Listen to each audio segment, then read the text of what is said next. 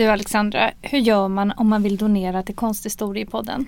Jo, då går man in på vår Instagram-sida och så går man in på länk i bio och där finns det en knapp som heter Ge en slant till Konsthistoriepodden och den klickar man på.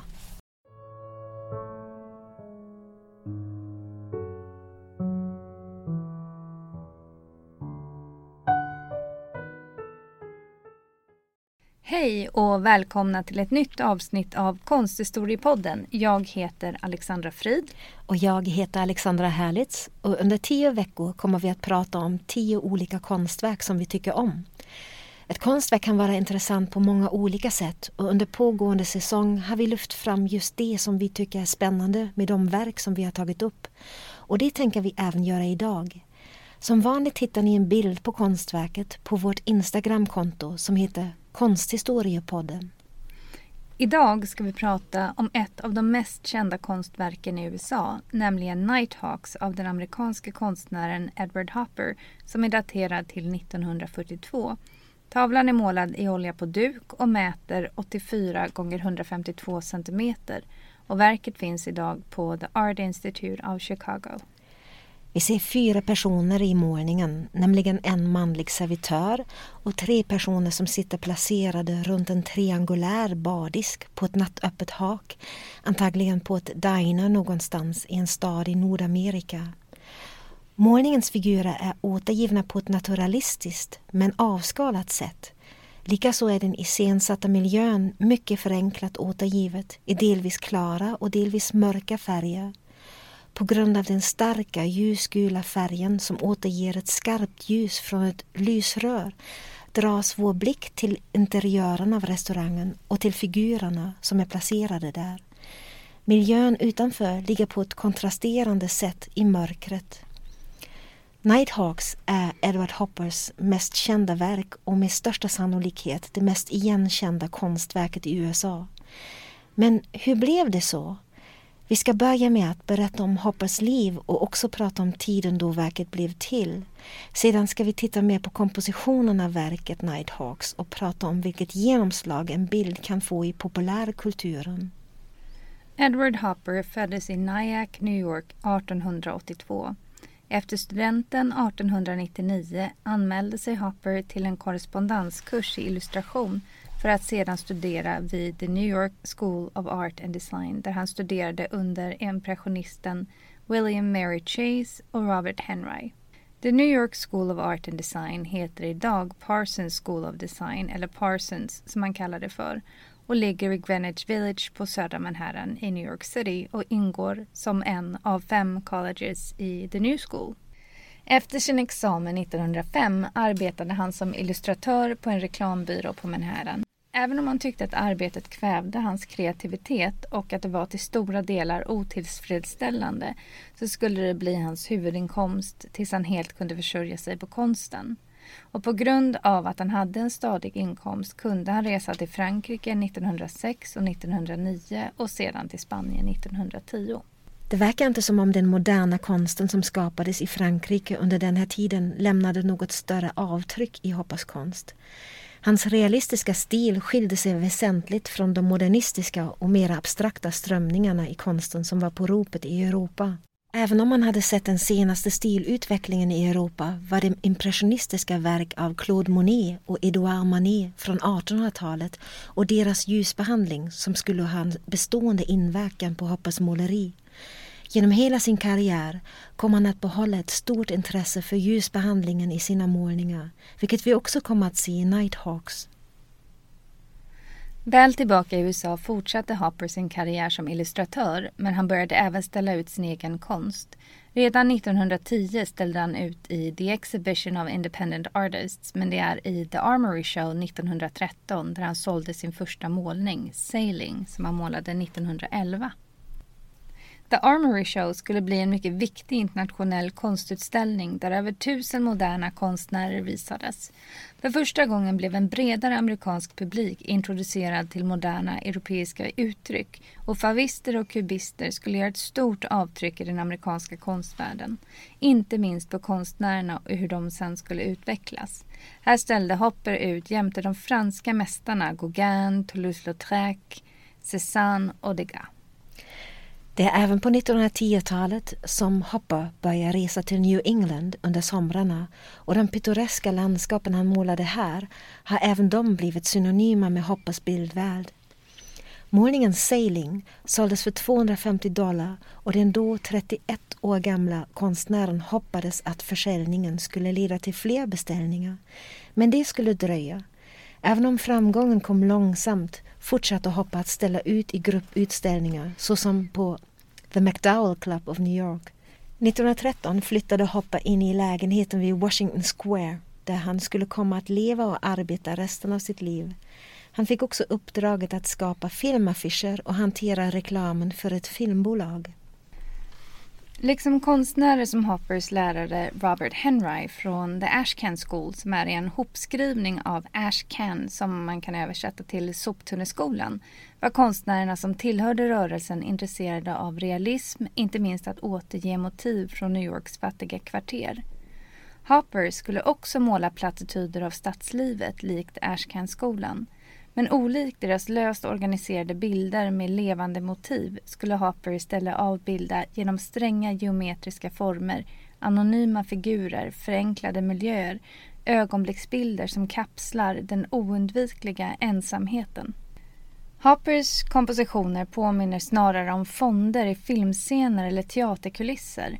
Bilderna är för rena, för retuscherade för att avspela det verkliga livet. Genom dessa ospecifika bakgrunder som vi inte kan placera geografiskt eller i tid ger Hopper oss bilder där vi själva kan fantisera ihop narrativet. Under 1910-talet blomstrade Hoppers karriär som illustratör samtidigt som han hade svårigheter med sin egen konst. Det var en frustrerande period för Hopper vars konst fick bara lite uppmärksamhet. 1918 tilldelades han US Shipping Board Prize för en krigsaffisch som han hade designat. Smash the Hun hette den. På 1920-talet sätter Hoppers karriär fart. När han var 37 år gammal hade han sin första soloutställning på The Whitney Studio Club, en föregångare till The Whitney Museum of American Art som arrangerades av samlaren och mecenaten Gertrude Vanderbilt Whitney och fokus var då Hoppers motiv från Paris som han hade målat några år tidigare. Hopper skulle senare arbeta med liknande motiv men då använda sin förmåga att avbilda Paris och den franska arkitekturen till att skapa målningar av det urbana arkitekturlandskapet i USA. Hopper tyckte under hela sin karriär om att avbilda de här husen med tureller, alltså större torn, verandor och mansardtak men det som verkligen fängslade honom var att måla solens reflektioner och det fantastiska ljus och skuggspel på fasaderna. 1924 under en sommarsemester i Gloucester, Massachusetts träffade han sin före detta klasskamrat från konstskolan, Josephine Nevison, som vid den tiden redan hade nått en del framgång som konstnär. De gifte sig samma år och blev oskiljaktiga. De arbetade tillsammans och influerade varandra i deras konst. Joe hjälpte Hopper att komma med i de rätta konstkretsarna och hon vägledde honom i hans konstnärliga utveckling. Med hennes hjälp kom sex av Hoppers Gloucester-akvareller med i en utställning på The Brooklyn Museum. En av dem köptes in till museets samling för 100 dollar. Kritikerna lovordade Hopper och hyllade honom för vad han kunde åstadkomma med de mest basala motiv. Kontakterna ledde till en solutställning på The Wren Gallery, ett galleri i New York som skulle verka i 63 år och som utmärkt sig för att lyfta amerikanska konstnärer och kvinnliga konstnärer. Utställningen blev en stor framgång och samtliga akvareller såldes. Framgången ledde till att Hopper kunde säga upp sina reklamuppdrag och ett livslångt samarbete mellan Hopper och Wrens Gallery etablerades. Paret Hopper har beskrivits som motsatser Josephine var kort, öppen, sällskaplig, social och liberal medan Edward var nästan 196 cm lång, hemlighetsfull, blyg, tyst, inåtriktad och konservativ. Josephine beskrev sin makes kommunikativa förmåga på följande sätt. Att prata med Eddie är som att släppa ner en sten i en brunn förutom att man inte hör när stenen når botten. Josephine gav i princip upp sin konstnärskarriär och levde avskilt med sin make i lägenheten i Greenwich Village utan hiss och spenderade somrarna på Cape Cod i New England. Hon tog hand om hans karriär, intervjuer, stod modell för honom och var även hans livspartner. Under 1920-talet blev också Hoppers etsningar populära och fick uppmärksamhet. De föreställde det som han senare även skulle gestalta i målningar. Par i tystnad, ensamma kvinnor och avskalade maritima motiv. Under 1920-talet började han också att utveckla sina så kallade fönstermålningar. I dessa placerade han en person innanför ett fönster där den blir dels betraktad av någon som inte syns i tavlan, dels av oss som betraktare utanför tavlan. Det är den här typen av motiv som han kom att utveckla och förfina under hela sin karriär. I 40-årsåldern fick Hopper mer uppmärksamhet men av någon anledning var han bitter över sin karriär. Kanske för att det tagit så lång tid att slå igenom. I alla fall tackade han nej till priser och utmärkelser vilket man ibland också har sett i samband med den spartanska livsstilen som han och Joe hade anammat. Den jämna strömmen av försäljningar ledde nu åtminstone till en större ekonomisk säkerhet under depressionsåren klarade sig Hopper förhållandevis bra om man jämför med andra konstnärer. Säkert också på grund av att de stora museerna hade börjat köpa hans verk. Både The Whitney Museum of American Art och The Metropolitan Museum of Art betalade tusentals dollar för hans verk. 1931 sålde han 30 målningar varav 13 var akvareller och redan 1933 ägnade The Museum of Modern Art Hopper sin första retrospektiva utställning. Hoppers mest produktiva period var under 1930 och 40-talen. Det är också under den här perioden som hans viktigaste verk tillkommer. Motiven föreställer ofta olika aspekter av staden och livet i den, men även motiv från biografer och scenföreställningar. Hans hälsa blev sämre under 1950 och 60-talet och han genomgick flera operationer. Trots det lyckades han skapa ikoniska verk som Hotel by a Railroad från 1952 som senare skulle inspirera till Bates Motel i Psycho från 1960 av Alfred Hitchcock. Men sådant ska vi prata lite senare om. Hopper dog i sin ateljé 1967 och begravdes två dagar senare i familjegraven på Oak Hill Cemetery i Nyack. Tio månader senare gick Josephine bort. Hon donerade deras gemensamma samling med över tusen verk, dokument, brev, anteckningar och dagböcker till The Whitney Museum of American Art. När Gail Levin, den första och ledande forskaren om Hopper, skulle börja skriva Hoppers biografi insåg hon att museet hade gjort sig av med de flesta av Josephines verk men hittade dagböckerna som ligger till grund för biografin Edward Hopper, An Intimate Biography som kom ut 1995. Trots att det verkar som om Hopper inte var särskilt förtjust i sina kommersiella uppdrag var han samtidigt ett hängivet fan av film och teater som borde komma att bli centrala motiv i hans konst. Men hans förtjusning i bio, film och teater kom inte bara att påverka hans val av motiv utan hade även ett stort inflytande på hans kompositioner. Många av hans målningar liknar scenaktiga stillbilder som verkar som om de är direkt hämtade från biografduken. Den suggestiva kraften som finns i hans filmaktiga kompositioner kom sedan i sin tur att påverka filmfotografi och hur filmskapare komponerar scener i film. Så det har funnits en växelverkan mellan konst och populärkultur här. Verket som vi har valt att titta på i det här avsnittet är ju Nighthawks från 1942. Nighthawks kom till under en av de mest osäkra tiderna i USAs historia. Åren efter första världskriget var förvisso fullt av konstnärligt utforskande och de starka visuella uttrycken varierades med realism till abstraktion. Amerikanska motiv dominerade, avbildningar av samhället och kulturen. Konstnärer sökte inspiration inom sin egna nations gränser.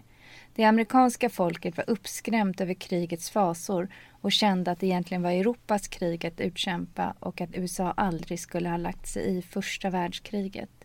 Dessutom fanns en rådande antipati för Europa. Men den 7 december 1941 förändrades allt och Japan angrep Pearl Harbor och USA blev indragna i andra världskriget. New York var en viktig hamn, den sista utposten till Europa och snabbt blev hamnen den centrala platsen från vilken man sände ut trupper, bränsle och andra förnödenheter till det härjande kriget i Europa. Staden som hade varit en immigrationsstad och symbol för frihet och lyckodrömmar, en smältdegel, men nu vände situationen i staden. Ellis Island blev istället häkte för invandrare man misstänkte för illegala handlingar. Japaner skickades till så kallade interneringsläger. Till skillnad från några av de andra verken som vi har pratat om tidigare i Konsthistoriepodden har denna målning en ägarhistoria som är helt oproblematisk att rekonstruera. Någon gång i slutet av december 1941 eller januari 1942 när Hopper var klar med Nighthawks som han hade arbetat med i en och en halv månad ställdes verket ut på Rens Gallery. Under ett vernissagebesök på MoMA där Daniel Catton Rich som var museichefen för The Art Institute of Chicago hade organiserat en utställning lovordade Alfred Barr, som då var chef på MoMA, Hoppers målning Gas från 1940.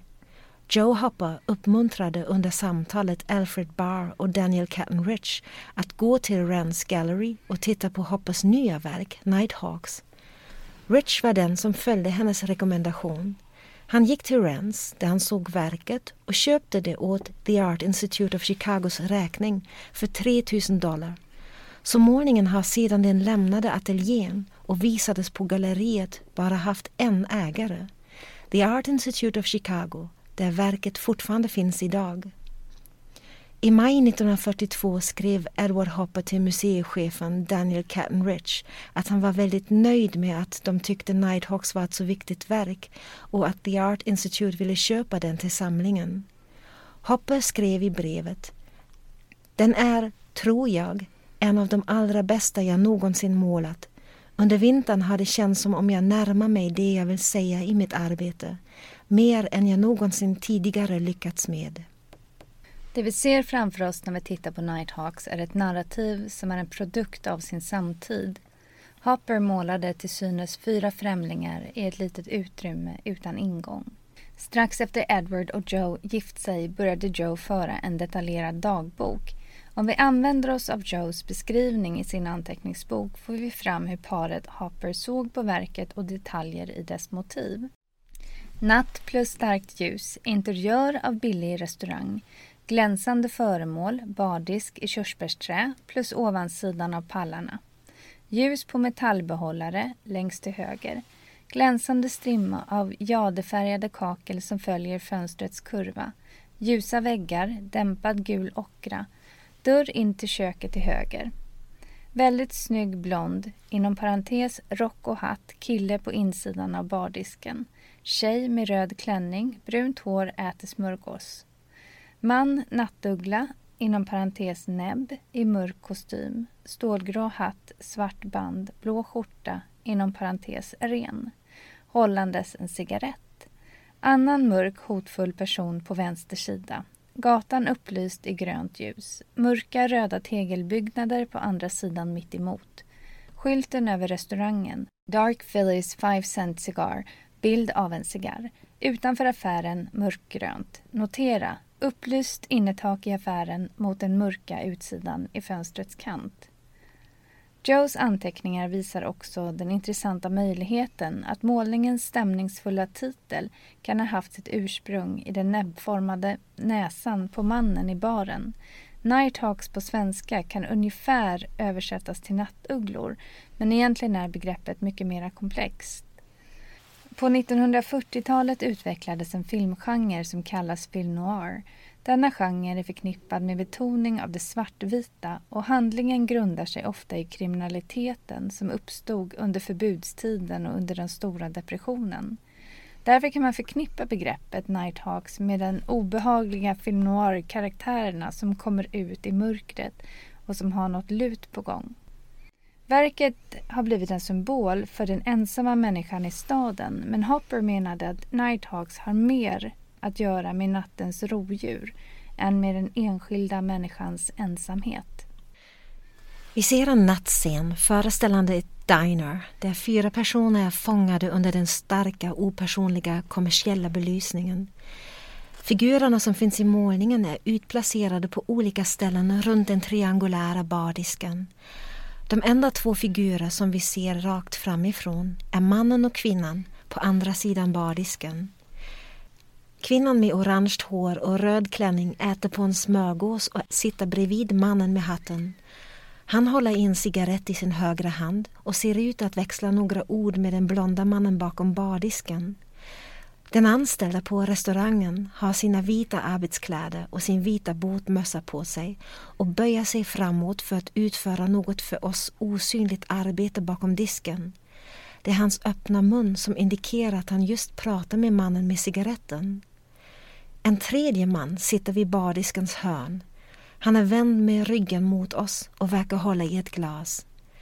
Denna man stänger oss på sitt sätt ut ur bilden. Denna känsla av distans mellan oss som betraktare och de avbildade figurerna blir ytterligare förstärkt genom fönsterrutan emellan oss och den breda biten av trottoaren som håller oss på behörigt avstånd. Överlag kan man säga att Hoppa har avskalat hela scenen. Det finns verkligen inga överflödiga detaljer. Till och med på restaurangen finns enbart få utplacerade rekvisita som gör tydligt för oss vad det är för verksamhet.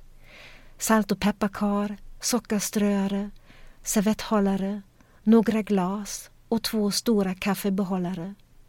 På utsidan däremot är gatan helt orealistiskt rensopad och påminner mer om en filminspelning än en verklig framställning av södra Manhattan på 1940-talet. Hoppa skapade en stillbild som skulle kunna vara en scen från en film. Hade det inte varit för det extrema perspektivet och barriärerna som finns mellan oss och scenen, nämligen den tomma trottoarens yta och restaurangens fönsterfront, skulle Hoppas målning framstå som en genrebild, alltså en målning föreställandes en vardaglig scen. Scenen får något voyeuristiskt genom att vi får beskåda den samtidigt som vi är uteslutna. Man undrar vems perspektiv man intar, vem det är som smygtittar på personerna i restaurangen.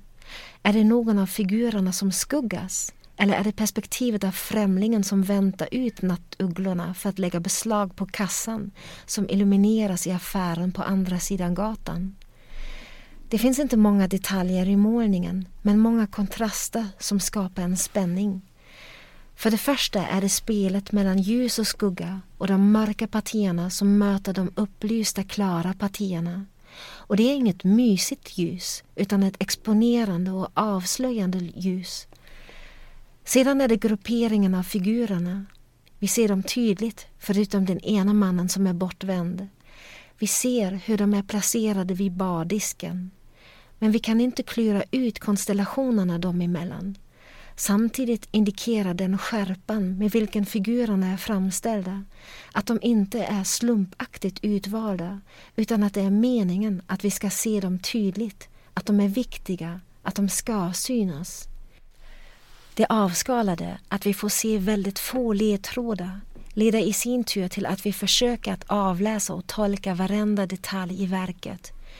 Det finns en tydlig medvetenhet kring iscensättningen som uttrycks i teater och filmtermen mise en scène. På franska betyder det placera på scen. Mise en scène refererar till allt som syns framför kameran och dess utformning, alltså allt som fångas i bilden. Det visar på regissörens kontroll av utformningen och av allt som finns i bilden, som till exempel figurer och deras interaktion, ljussättning, rekvisita och miljö. Även kamerarörelse, kameravinkel, bildkomposition och bildutsnitt ingår i uttrycket. I Hoppas målningar motsvarar de valda bildutsnitten en medveten iscensättning. Även verkets format verkar vara en referens till filmvärlden då målningen liknar en filmruta.